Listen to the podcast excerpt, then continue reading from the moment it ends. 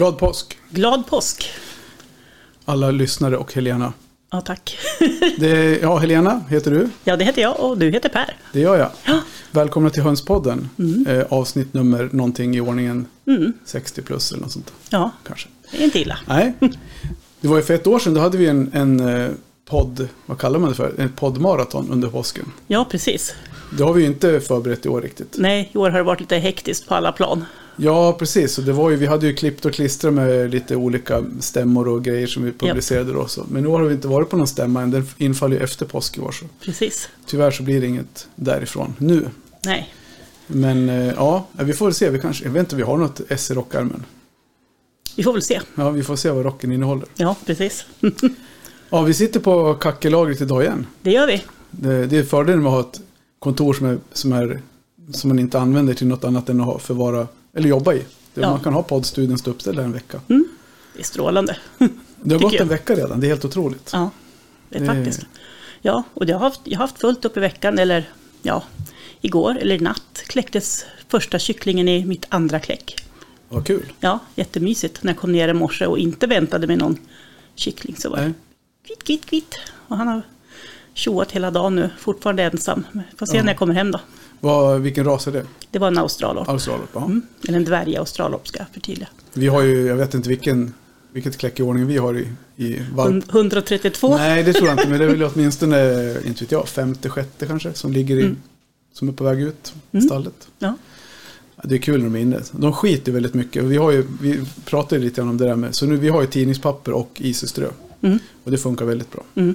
Gör det. Och sen, eh, jag brukar strö på på morgonen, för det blir så här, det luktar rätt mycket, även fast det är små djur. ja, absolut. små pluttar så blir det liksom den här lilla. Men Mm. det är faktiskt bra. Lägger man på lite nytt iseströ uppe på då springer de runt och så. De tycker det är så kul att picka i det där också. Mhm. Det är mysigt. Ja. Mm. Och påsk och kycklingar hör, hör ihop så vi får väl se om Mm. det blir några fina påskkycklingsbilder. Det är min plan. Jag ska åka till Mm. någon blomsteraffär sen. Ja, du får göra det. Ja. Ja. Ja. vi har ju massa blommor hemma. Ja, Vi kanske får ta en påskfika. Ja. Åh, det låter trevligt. Mm.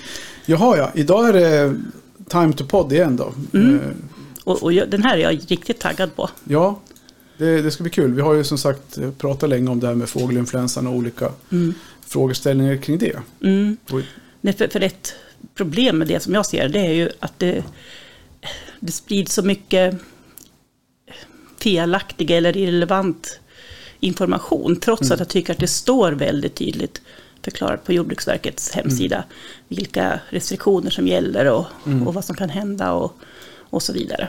Men eh, ja, jag tänkte vi slog, gjorde slag i saken och tänkte att nu vill vi ja, få hjälp och förtydliga det här. Vi har pratat om det ett tag sedan eh, SVA-avsnitten, att vi skulle försöka få kontakt med någon på Mm. Jordbruksverket. Och vi har det nu med oss på tråden. Hallå! Hej! Hej! Vem är det vi har med oss? Jag heter Enisa Miljanic och jobbar på smittbekämpningsenheten på Jordbruksverket. Eh, Tillhör teamet bekämpning och ersättning och det är tyvärr vi som ringer om djurägarna som har vems fåglarna har fått fågelinfluensa eller Newcastle. Så det är vi som hör av sig då. Ja. Mm. Det tråkiga beskedet, då. lämnar det tråkiga Precis. beskedet. Då. Ja. Ja. Ja, för det blir ju Och jag vill tråkigt för bara att... säga att ni har Ja. jättehärligt musik. ja, vad kul. Tack! till podden. Jag var väldigt överraskad. Ja, Ja. Positivt. ja roligt. ja, men precis. Han får ju mycket cred, Björn, på Dwarf Studio. Det är han som har gjort alla mina jing- musikjingelgrejer. Så. Ja, han, är, han är härlig. Mm. Så vi har, mycket, vi har någon mer som vi kanske spelar upp här senare. Mm. Kul. Ja, vi, vi brukar komma i rätt stämning när vi kör den där introt. Ja, precis. Då diggar vi loss här. Ja. Yes, ja men Ja. eh, som sagt, vad jord, Jordbruksverket, då, du jobbar på smittskyddsbekämpning. Eh, Annars då, hur ser vardagen ut för er? På den? Alltså, ja, det är väldigt mycket som vi gör hela tiden. Eh, Tyvärr har vi fått fall av fågelinfluensa på tama fjäderfä just nu i mars månad. Vi trodde att vi skulle klara oss eh, under den säsongen men det är ändå bättre än det som hände 2021 så att säga. Eh, och sen hade vi också en, ett fall av Newcastle-sjuka. Eh, båda anläggningar nu är under saneringsfasen. Mm. Så det pågår arbete där. Sen har vi mycket arbetet som har legat och, och, väntat när vi skulle hinna på grund av alla utbrott som drabbade oss. Så nu är det, ni nämnde också information på vår hemsida Mm. Det är också liksom i vår pipeline att liksom vi ska uppdatera och förbättra information på webben så att uh, det blir lättare att förstå mm. och hitta det som är relevant för alla. Så det, det är det som vi också gör. Och sen det finns, vi också jobbar internationellt, deltar på olika möten, arbetsgrupp i olika arbetsgrupper som finns på EU-nivå och arbetar med fågelinfluensa som är mest aktuellt och så vidare. Mm. Ja, för den känner ju inga gränser, den åker ju bara Precis. runt. Ja. Mm. Men, eh, Hela vägen. Vi, brukar, vi hade ju med några tjejer och killar från S, Statens veterinärmedicinska anstalt. Varför nu skulle säga hela det långa krångliga ordet. Men jag tänkte, då, vi, har, vi ställer ju ofta frågan lite grann om folks bakgrund. Men hur, hur, ser, hur ser det ut? Hur hamnar man som smittskyddsbekämpare på Jordbruksverket? Vad har man för bakgrund då? Uh, alltså oftast, jag, jag är veterinär i grund och botten men det kan vara också andra uh, yrkes som kan liksom arbeta som smittskyddshandläggare hos oss mm. eller i vårt team. Mm. Mm. Vi också hanterar inte bara fågelinfluensa, vi hanterar också bisjukdomar och fisk eller vattenlevande mm djur. Så det är lite och även mjältbrand tillhör vårt team. Så det är lite okay. bredare liksom, kunskap som vi har i vårt team. Mm. Mm. Ja, för just bin hör man ju mycket om. Att det finns, sprids ju någon, någon form av sjukdom där. Någon, jag vet inte om det var någon pest eller vad det hette som de får i, i samhällena. Ja, det, och det förekommer liksom under sommarsäsongen så åtminstone ja dessa perioder är olika för våra sjukdomar som ja. vi hanterar. Att fågelinfluensa just har legat mellan november och maj. Mm. Sen kommer under sommaren bisjukdomarna. Ja. Så vi får väl se om detta ändras också. Precis. Ja. Jag får hoppas att ni får en jämn fördelning då på, på sjukdomarna. Ja. ja. Så att man inte får allt samtidigt. Nej. Men du, om vi tar, vi har ju lite frågeställningar som vi har kikat på. Men vad, vad man ska säga, vad är fågelinfluensan när det gäller symptom och dödlighet och hela den?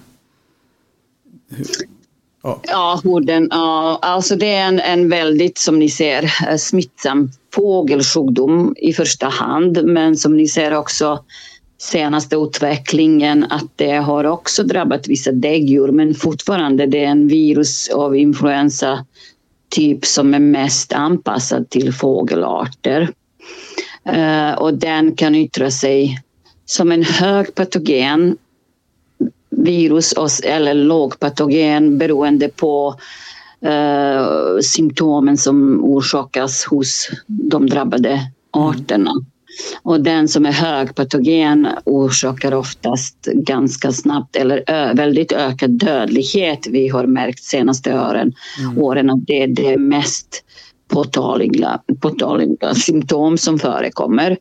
Mm. Eh, som hög dödlighet. Men sen kan komma också beroende på vilken typ av virus eh, cirkulerar. Det kan komma symptom från andnings organ, det kan komma diarré, det kan komma förändringar i nerv som påverkar nervsystem. Mm. Uh, och sen hos de värpande höns kan liksom det är nedsatt foder och eller för alla är nedsatt foder och vattenkonsumtion och sen det är nedsatt, ägg, nedsatt äggproduktion också. Det kan komma också skalförändringar. Mm. Så det, det, det är inte roligt. Det sprids väldigt eh, snabbt då också inom flocken. Mm. Och, och, dödlighet kan liksom vara väldigt snabbt också. Mm. Mm.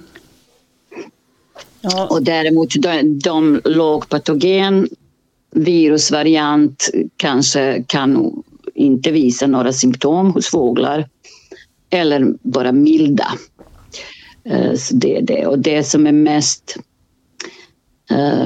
farligt eller för spridningen det är liksom att virus befinner sig bland de vilda fåglar och mm. mest de andfåglarna de har oftast inga symptom men de är bärare och mm. reservoar.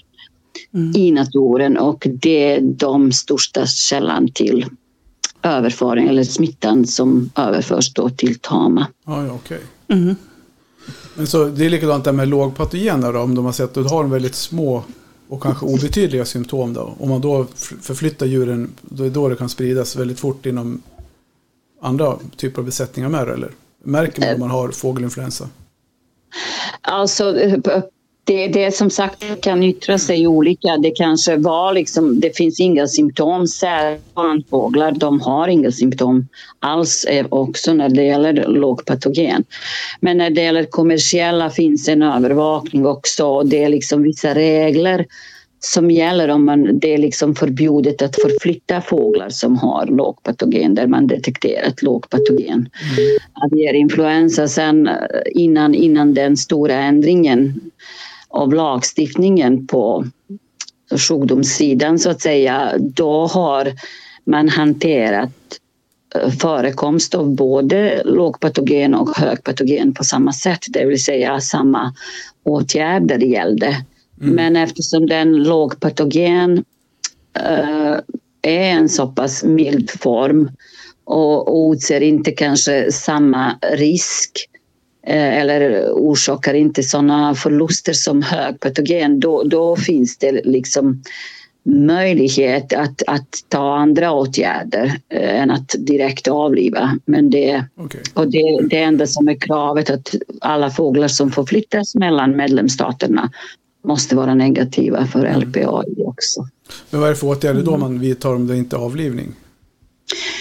Det har vi inte haft hittills, åtminstone på tama eh, förekomst. Men vi har haft fall på hägnade vilda fåglar eh, som då vi spärrade, de var typ eh, förbjudna att förflyttas och sen man har tagit omprover i flera omgångar under en period och då liksom sista prover var negativa så då kunde vi släppa det så att säga. Men det betyder inte att det är alltid samma hantering. Det är från fall till fall och ja.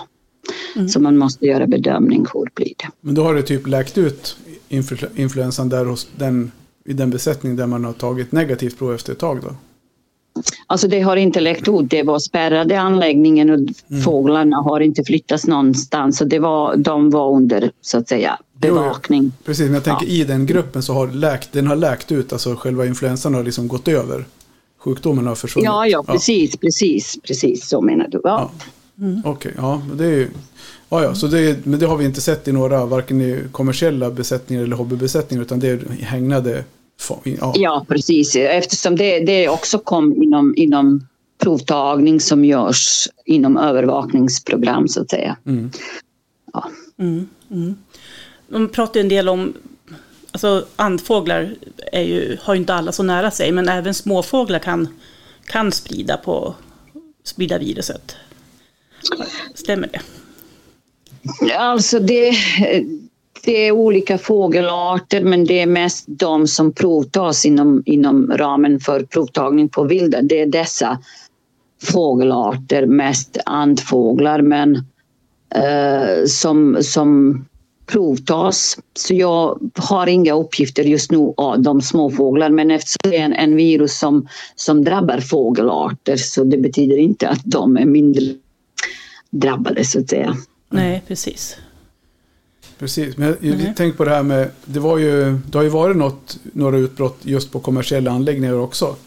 Hur, hittar man någon förklaring till hur, de kommer, hur smittan kommer in på sådana ställen där man ändå har otroliga säkerhetsföreskrifter och smittskyddsbestämmelser eller man säger, åtgärder för att inte få in smitta? Ja, alltså det är oftast att man inte... Det är väldigt svårt att hitta direkt källa ja. till hur smittan har kommit. Men det är det som man oftast uh, identifierar att det är de vilda fåglar som har varit uh, på något sätt orsak. Ja. Och sen det, det, måste alltid finnas någon, någon brister i biosäkerhetsrutiner ja. uh, så att den smittan liksom tas in. I vissa fall har vi haft runt anläggningar ganska stora flockar av gäss Okay. Eh, som, som har virus. Så det är oftast liksom man ser eh, att det är liksom vilda fåglar som, som spelar den faktorn. Ja. Eh, och sen i kombination att det också kanske förekommer i vissa fall också brister i biosäkerhetsrutiner så det är en kombination. Men hur, alltså det kan inte vara så kul att, att misstänka att man själv har orsakat det sådär. Fått med sig någon, s- in, någon smitta in liksom. Hur mycket fåglar rör det sig om på en anläggning som man måste avliva då när det blir sådana här smittutbrott? Alla. Alla, över, vad, är, vad pratar vi, 100 000 eller 30 000? eller? All, alltså det beror på vilken Ja, anläggning är drabbat. Vi, vi har haft eh, eh, 2021 i vårt utbrott också. Våran, det var största, den största eh, värphundsanläggning som drabbades och då avlivades två miljoner Ja. bara för en anläggning. Så det är tyvärr den stora konsekvenserna Ja. Mm. av, av den smittan som är fruktansvärd. Usch ja. Jag tänker, det kanske inte du vet, men jag tänkte mer så här, hur funkar det för en sån, för, för en sån äggproducent, en företagare? Finns det några försäkringar som täcker sånt där, eller blir det liksom en... en Alltså när det gäller ersättningsdelen, alltså när en sån anläggning drabbas, då, då ersätter vi eh, kostnaderna för, för sanering för alla tjänster som måste liksom anlitas för att sanera en gård. Så de flesta kostnader täcker vi 100 procent okej. för den delen och sen får de också ersättning i, för produktionsbortfall. Jag tror 50 procent. Jag är inte ersättningsexpert så jag vill inte uttala men det finns liksom, de får Okej. ersättning för den delen. Sen, eh, jag vet inte om de ersättningsföretag som, som producenterna kan anlita har ändrat sig. Tidigare ville de inte försäkra dem mot fågelinfluensa. Nej, det är klart. Nej. Det vet jag inte liksom hur det ser ut ärligt talat. Nej, men då finns det i alla fall någon form av fallskärm för de som håller på med det. Så man inte sitter där med två miljoner fåglar som måste... Vilken, alltså jag bara tänker vilken kostnad. Helt Ja, ja, det är jättestora kostnader för, för alla dessa ordbrott eh, som drabbar individuellt producenterna. Men sen det drabbas hela staten. Det är också liksom påverkas export. Ja. Det är branschen som blir också drabbade och det är väl, verkligen stora pengar som handlar det om också. Eh, det, jag vet att vi, kostnaderna för den största utbrott som vi haft 2021 blev liksom eh, cirka 300 miljoner kronor och de, de är inte helt klara. Och sen kan man också söka en del ersättning från EU också för att få lite pengar. Men det var liksom, jag vet inte om EU kan täcka alla dessa efter, efter så stort utbrott som drabbade hela Nej, Europa. Det är mycket pengar. det är otroliga pengar. Det är, det. det är många ägg om man skulle dela det med 4,50 så blir det rätt mycket ägg.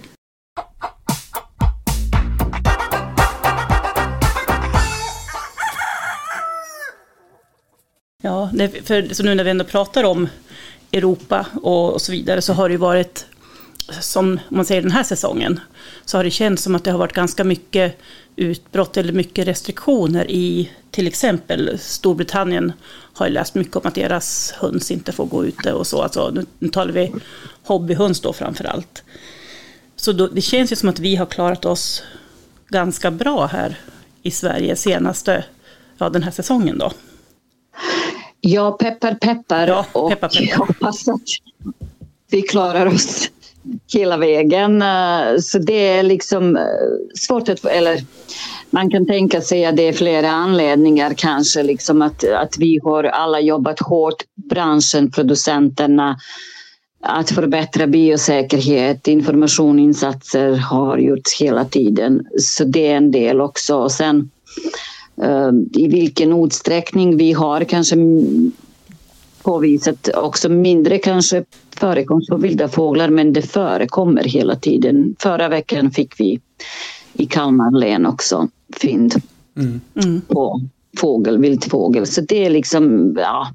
Men peppar peppar mycket, mycket mindre utsträckning än, än som vi har sett det värsta året. Ja, för vi, vi har ju haft lite olika restriktioner beroende på var i landet vi bor.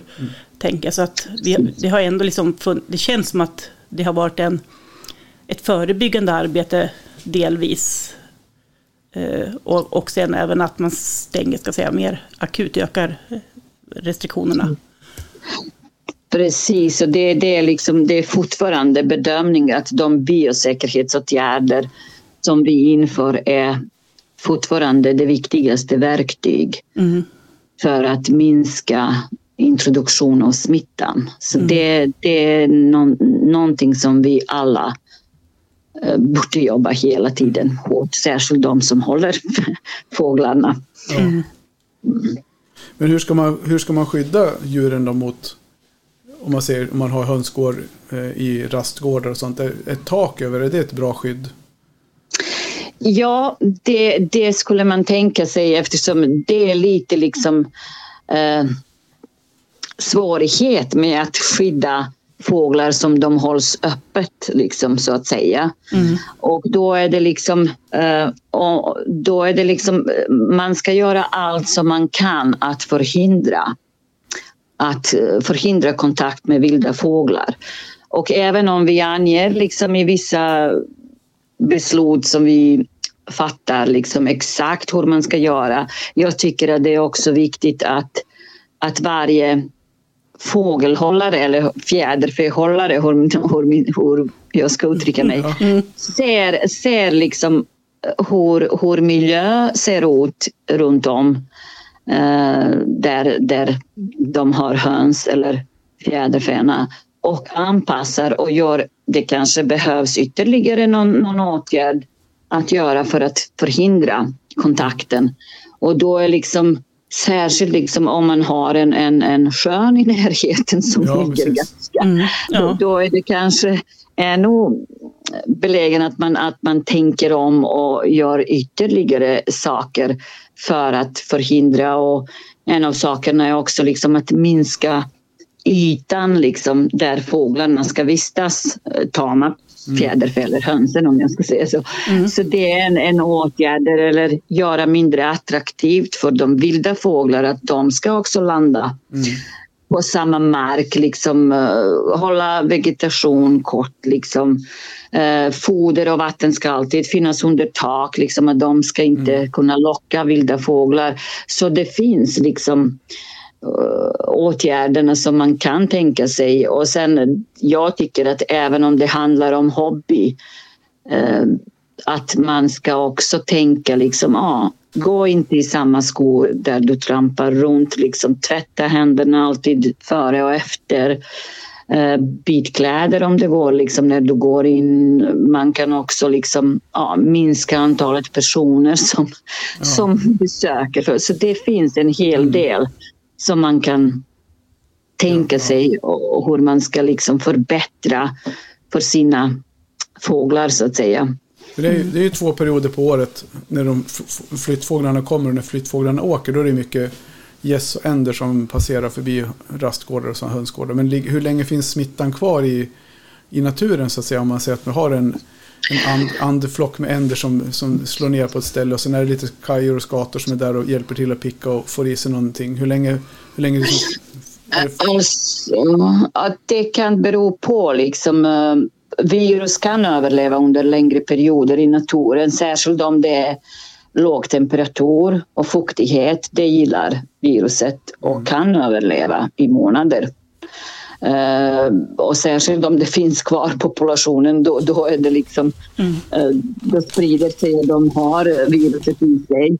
Eh, så det är det vi brukar säga att kanske sommartiderna när, när det finns solljus och värme, då kanske trycket minskar i naturen. okej. Men just nu de senaste upptäckt eh, liksom på måsfåglar eh, och även under sommartider eh, av fint på vilda fåglar, då liksom vi är vaksamma lite och ska titta utvecklingen Ja. där. Hoppas att det inte blir eftersom vi alla behöver paus. Ja, ja precis. Ja, men för det det Ja. låter ju som att då blir ju egentligen när, när flyttfåglarna kommer nu på våren så blir det liksom en, en säkrare period under sommaren, varma månaderna. Och sen under vinterhalvåret så blir det en sämre månad. Men då är de å andra sidan inte ute lika mycket hönsen när det blir kallt och snö. Så det är väl, kan man liksom gardera sig lite grann då när det precis innan det blir varmt på våren och precis innan det blir kallt på hösten så kanske man ska man har en liten lucka där, där man kan vara extra noga. Precis, och det är det liksom. Och det, det, jag tycker att det är viktigt att alla utgår från omständigheterna som man har på sin gård. Mm. Och Ja, precis. anpassar liksom åtgärderna eller vad som skulle varit bäst. Så är det. Men det här med, med smitta till, du, du sa det till däggdjur, att, man har, att det inte var så vanligt men att det, har förekommit. Är det någonting, vi har ju läst, läst någonting i Expressen här om en, en flicka i Kambodja som man misstänker, eller som hade fått konstaterat fågelinfluensavirus på något, något sätt. Då. Hur, hur ser ni på det? Kan det här vara liksom nästa typ av pandemi som vi har sett med co- corona? Alltså det är för tidigt att säga men det, eftersom det förekommer hela tiden information om, om, om dödsfall eh, under åren i mest de länderna, asiska länder. Och det är fortfarande bedömningar, det är väldigt under väldigt särskilda omständigheter och att det ändå sällsynta fall liksom på human sida. Och det är ändå liksom, det är inga virusstammar som cirkulerar i, i Europa så att säga som kan liksom, ut, liksom drabba människor på, på det sättet. Eh, Men det är självklart hela tiden alla europeiska myndigheter liksom bevakar Mm. eh, utvecklingen hela tiden och just nu är den risken väldigt låg. Att det ska liksom drabba människor, de som är mest utsatta så att säga i Europa är de, de människor som, som jobbar direkt med, med de smittade fåglar. Eh, men det är också i Sverige har aldrig eh, liksom registrerat något fall. Och då liksom är milda influensasymptom som kanske visar sig eh, hos dessa personer. Och då är det liksom, ja, man ska använda skyddsutrustning och sånt. eh, Så det är det som man kan skydda sig. Mm. Eh, Och man ska tänka också privat, liksom att man inte ska ta döda fåglar med Nej, bara precis. händerna utan man ska använda handskar, man ska tvätta händerna efteråt och så vidare. Så det är fortfarande liksom Mm. är den som att säga bedömning om riskerna låg. Mm. Vi, har, vi har ju några frågor om det här med restriktioner också. Eh, framförallt så är det väl det här med eh, vilken typ av restriktioner det finns. Om det är skillnad om man säljer ägg och kött. Eh, dels kommersiellt men även om man har det som en hobbyverksamhet och säljer på något vis. Liksom, vad, hur ska man, vad, är det- vad som gäller där? Ja. Um, jag kanske ska förklara att vi har två olika typer av restriktioner om man ska säga så. Ja, Alltså vi, vi inför vissa restriktioner som gäller i högriskområdena när vi bedömer att, att risken för eh, introduktion av fågelinfluensa till tama fjäderfä och fåglar ökar. Och då inför vi vissa restriktioner som, håller, som gäller mest hur man ska hålla sina fåglar i de områdena där det finns liksom större risk att liksom få fågelinfluensa. mm. Och då liksom, eh, det är också graderat lite till eh, då att en hobbyanläggning som man anser att man säljer inga produkter, man delar inte produkter utanför sin, sin hön- hönsbesättning till någon. Utan det är strikt hobby. Då, då kan de hålla sina fåglarna ute men de ska vara inhägnade. Det är det som är viktigt, liksom, att man minskar den ytan som, som används ute för att förhindra att vilda fåglar också kommer dit. ja. Så det är en av, av åtgärderna där. Det är alltid liksom foder och vatten ska ges inomhus Mm. och så vidare. Det finns en hel del åtgärder hur man ska hålla sina fåglar. När det gäller kommersiella, det gäller mest de med ekologisk uppfödning och de som har värphöns med utevistelse, de måste stänga in Mm. sina fåglar. Det är direkt som gäller. Sen har vi restriktioner som vi inför när vi får ett bekräftat fall. Och då är det lite striktare restriktioner, eller lite, det är väldigt strikta restriktioner Mm. som då gäller runt den drabbade anläggningen eftersom då vi upprättar en restriktionszon som, som innefattar en skyddszon som är tre kilometer radie för, från den drabbade anläggningen och sen en övervakningszon som är tio kilometer Okej. radie runt. Och där, där är allt förbjudet. Och sen alla förflyttningar och allt. Men sen finns det möjlighet att vi ger vissa undantag. Och då är det liksom under väldigt kontrollerade förhållandena som, som allt görs. Så då är det äggen måste liksom flyttas bara till äggpackeriet och då ger vi särskilda tillstånd för anläggningar som hamnar i sådana zoner. Det gäller alla också. Förflyttningar av till exempel djur till slakt och så vidare. Så det är väldigt kontrollerad med väldigt strikta åtgärder som måste göras. Liksom varje transport måste rengöras och desinficeras och så vidare. Men jag tänker på, kan det finnas flera sådana här restriktionszoner på olika platser? Har det att göra med vart man är påträffar smittan då? Eh, Det beror på. Vi, kan liksom, vi har möjlighet att upprätta liksom större områden om det skulle förekomma. Ibland liksom om, det kan för, om, om smittan sprids i närområdet man utöka dessa eh, restriktionszoner. Så det, vi kan också ja, bedöma ja, vid kanske misstanke att vi behöver liksom införa någon slags tillfälligt restriktionszon eh, för att kontrollera om det är för mycket liksom transporter som ska ske och sådana saker. Så vi har enligt lagstiftningen möjlighet att införa olika typer. Men just nu det mest vanliga som vi hittills har haft det är liksom den restriktionszon på 3 och 10 kilometer runt den drabbade anläggningen.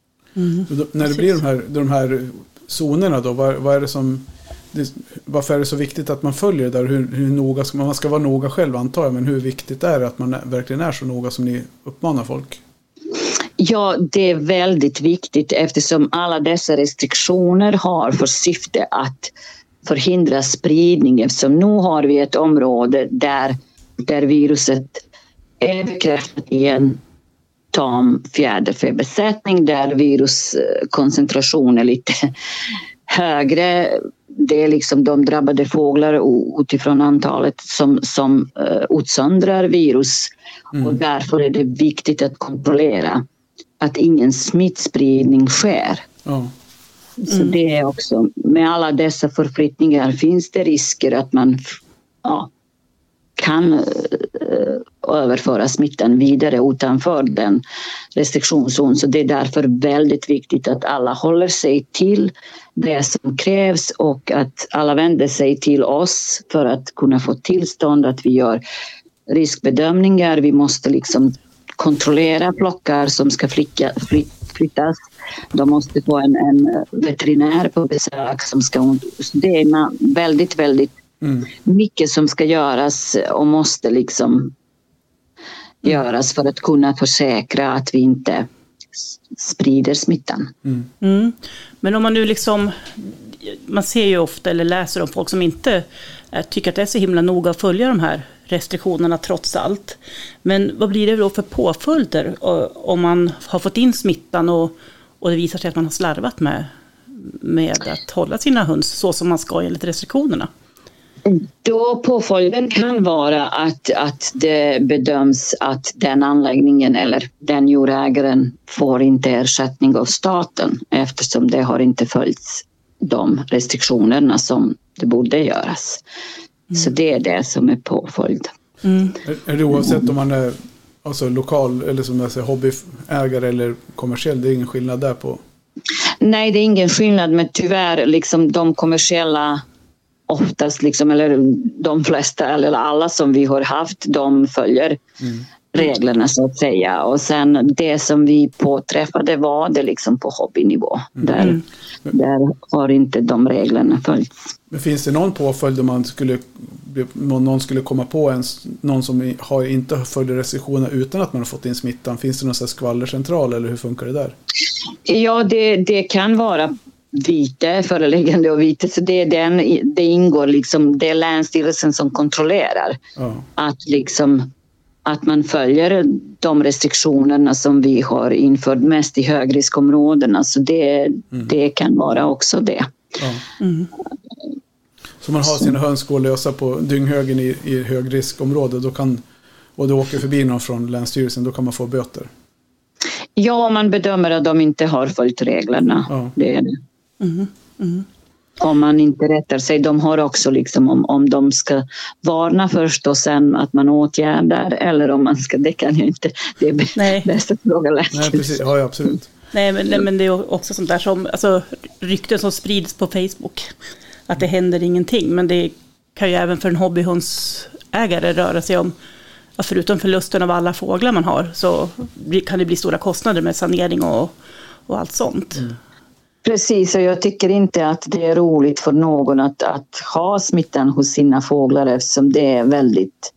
De dör väldigt snabbt och det är jätte... Mm. tycker inte att det är ja, roligt att ha det inne. Och sen det är det liksom när det gäller hobby, den saneringen kan vara långvarig eftersom det är svårt att sanera marken. Och mm. då är liksom kombination av sanering på inomhusutrymmena som används plus ja. den marken som man har haft fåglarna och då är det liksom en, en förbjud att hålla eh, nya fåglar eller sätta in nya fåglar ganska längre. Hur, hur, mm. ja, precis, hur, hur, hur, hur länge kan det vara ett sådant förbud? Alltså det är oftast, det beror på, men oftast det kan handla från sex månader upp till ett år. Men det är oftast mm. beroende på i vilken period på året har man fått det eftersom det är det som ibland vill vi inkludera sommartid eh, i den kombinationen med tom, tomhållningstiden eftersom det är det liksom solljus och värme mm. minskar mm. Eh, virus som finns eller överlevnad eh, är förkortade då. Mm.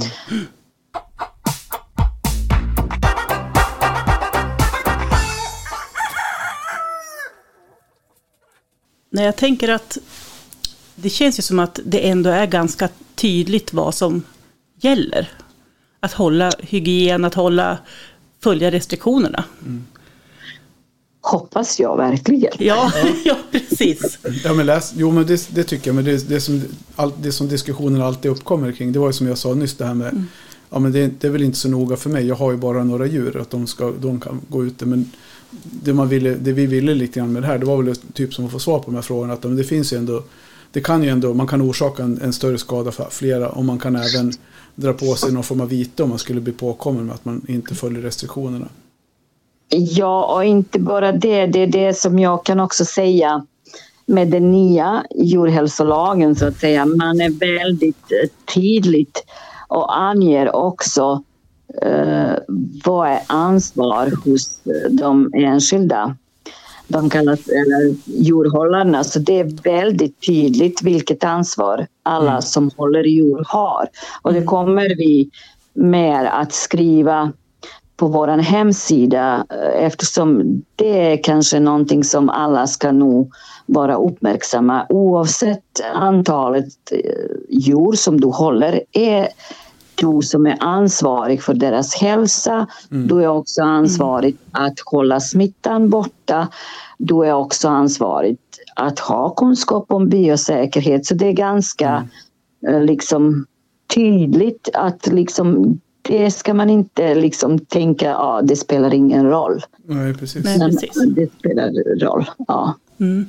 Nej, för att uh, många gånger säger man ju också då att uh, det är bara för att skydda, alltså de, de, stora äggproducenterna, det har ju inte med oss hobbyhundsägare att göra.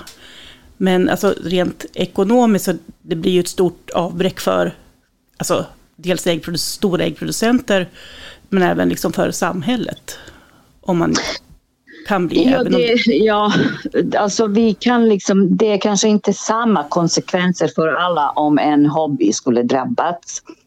Eh, vi har möjlighet att, att liksom för de som har mindre än 50 göra särskilda restriktioner, liksom att inte liksom införa stopp på allt. Mm. Eftersom det är oproportionerligt så att säga och de utför inte stor risk för de kommersiella eftersom det borde inte förekomma kontakt mellan kommersiella och hobby. Nej. Eh, Men ändå liksom, eh, det är konsekvenserna för den enskilda djurhållaren. Eh, Det måste saneras. Vi betalar för den saneringen. Det är skattepengar som går till det. Så det är flera saker som man ändå måste tänka på och varför ska man utsätta sig överhuvudtaget? För det precis. om man kan jobba och har verktyg för att förhindra det, det är det. Så, så ska man tänka egentligen. Absolut. Absolut. Ja, det låter ju Det låter klart, klart och tydligt, rimligt. Har du någonting som du känner att du vill tillägga i, kring det vi har pratat om med, med ditt arbete och ert arbete på Jordbruksverket i kring smittskydd och förebyggande? Ja, det kan jag bara säga att vi alla som jobbar brinner verkligen och jobbar hårt under de månaderna som vi har och vi verkligen hoppas att vi inte ska behöva ringa producenterna och vi brukar också säga när vi avslutar ett ärende vi avslutar med hoppas att vi inte ska höras igen. Ja, Ja, precis. Och det vill jag framföra till alla. Liksom, eh, vi ändå är här när det händer det värsta. Vi är väldigt engagerade. Vi som hjälper väldigt mycket. Även det som, utgår, som ingår inte i vårt jobb. Eh, för att fixa allt och hjälpa djurägarna. Så det är liksom det som jag vill säga också till alla. Att eh, inte vara rädda för oss eftersom ibland Nej. det märks liksom att men det är liksom vi är, vi är här att liksom hjälpa till att vi ska alla jobba mot samma mål, att inte sprida smittan om det blir drabbad anläggning. Så det är det, det som jag vill kanske framföra. Mm, ja. Och jag kom på en sista fråga här. Som, alltså, Vad gör man om man misstänker att man har fått in fågelinfluensa? Det kanske dör 30 procent av ens hobbyhöns över en natt. Då, då, då kan man ju kanske misstänka att det har hänt något. Precis. Så vart vänder man sig? Man ska vända sig till DV-station närmaste eller och, och ta kontakt med en veterinär och förklara situationen väldigt tydligt att det är hög dödlighet eh, så att de kommer så snabbt som möjligt till eh, gården eller ja, där man ska liksom ta prover Eh, och då man startar en utredning liksom och proverna vi brukar skicka när det är sån stark misstanke när det finns så, så hög dödlighet. Oftast vi skickar prover oavsett om det är kommersiellt eller hobby med bodbil så att proverna ska snabbt hamna på SVA och att analyserna kan göras snabbt.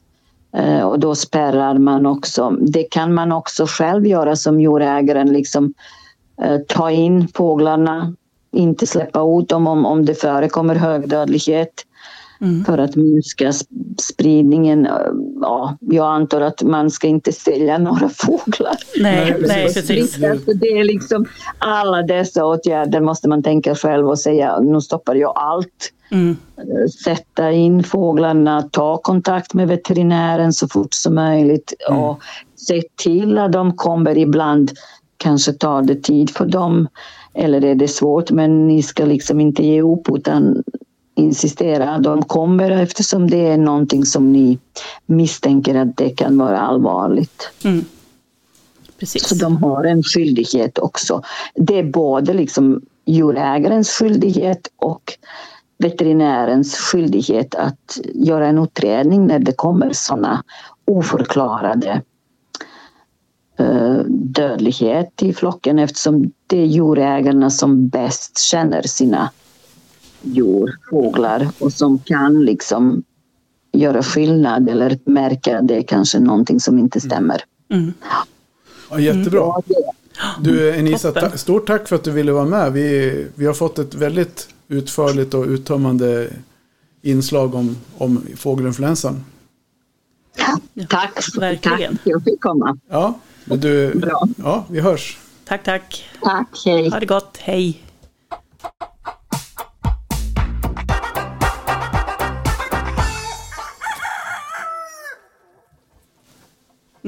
Tiden går fort man har kul.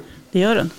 Och det är, det är inte ett roligt ämne, men det är fortfarande intressant och lärorikt. Ett angeläget ämne. Ja, verkligen. För jag tänker också det, det är ju alltid, man uppmanar ju alltid folk att ta sitt ansvar och ta ansvar för sin omgivning och, och engagera sig och bry sig.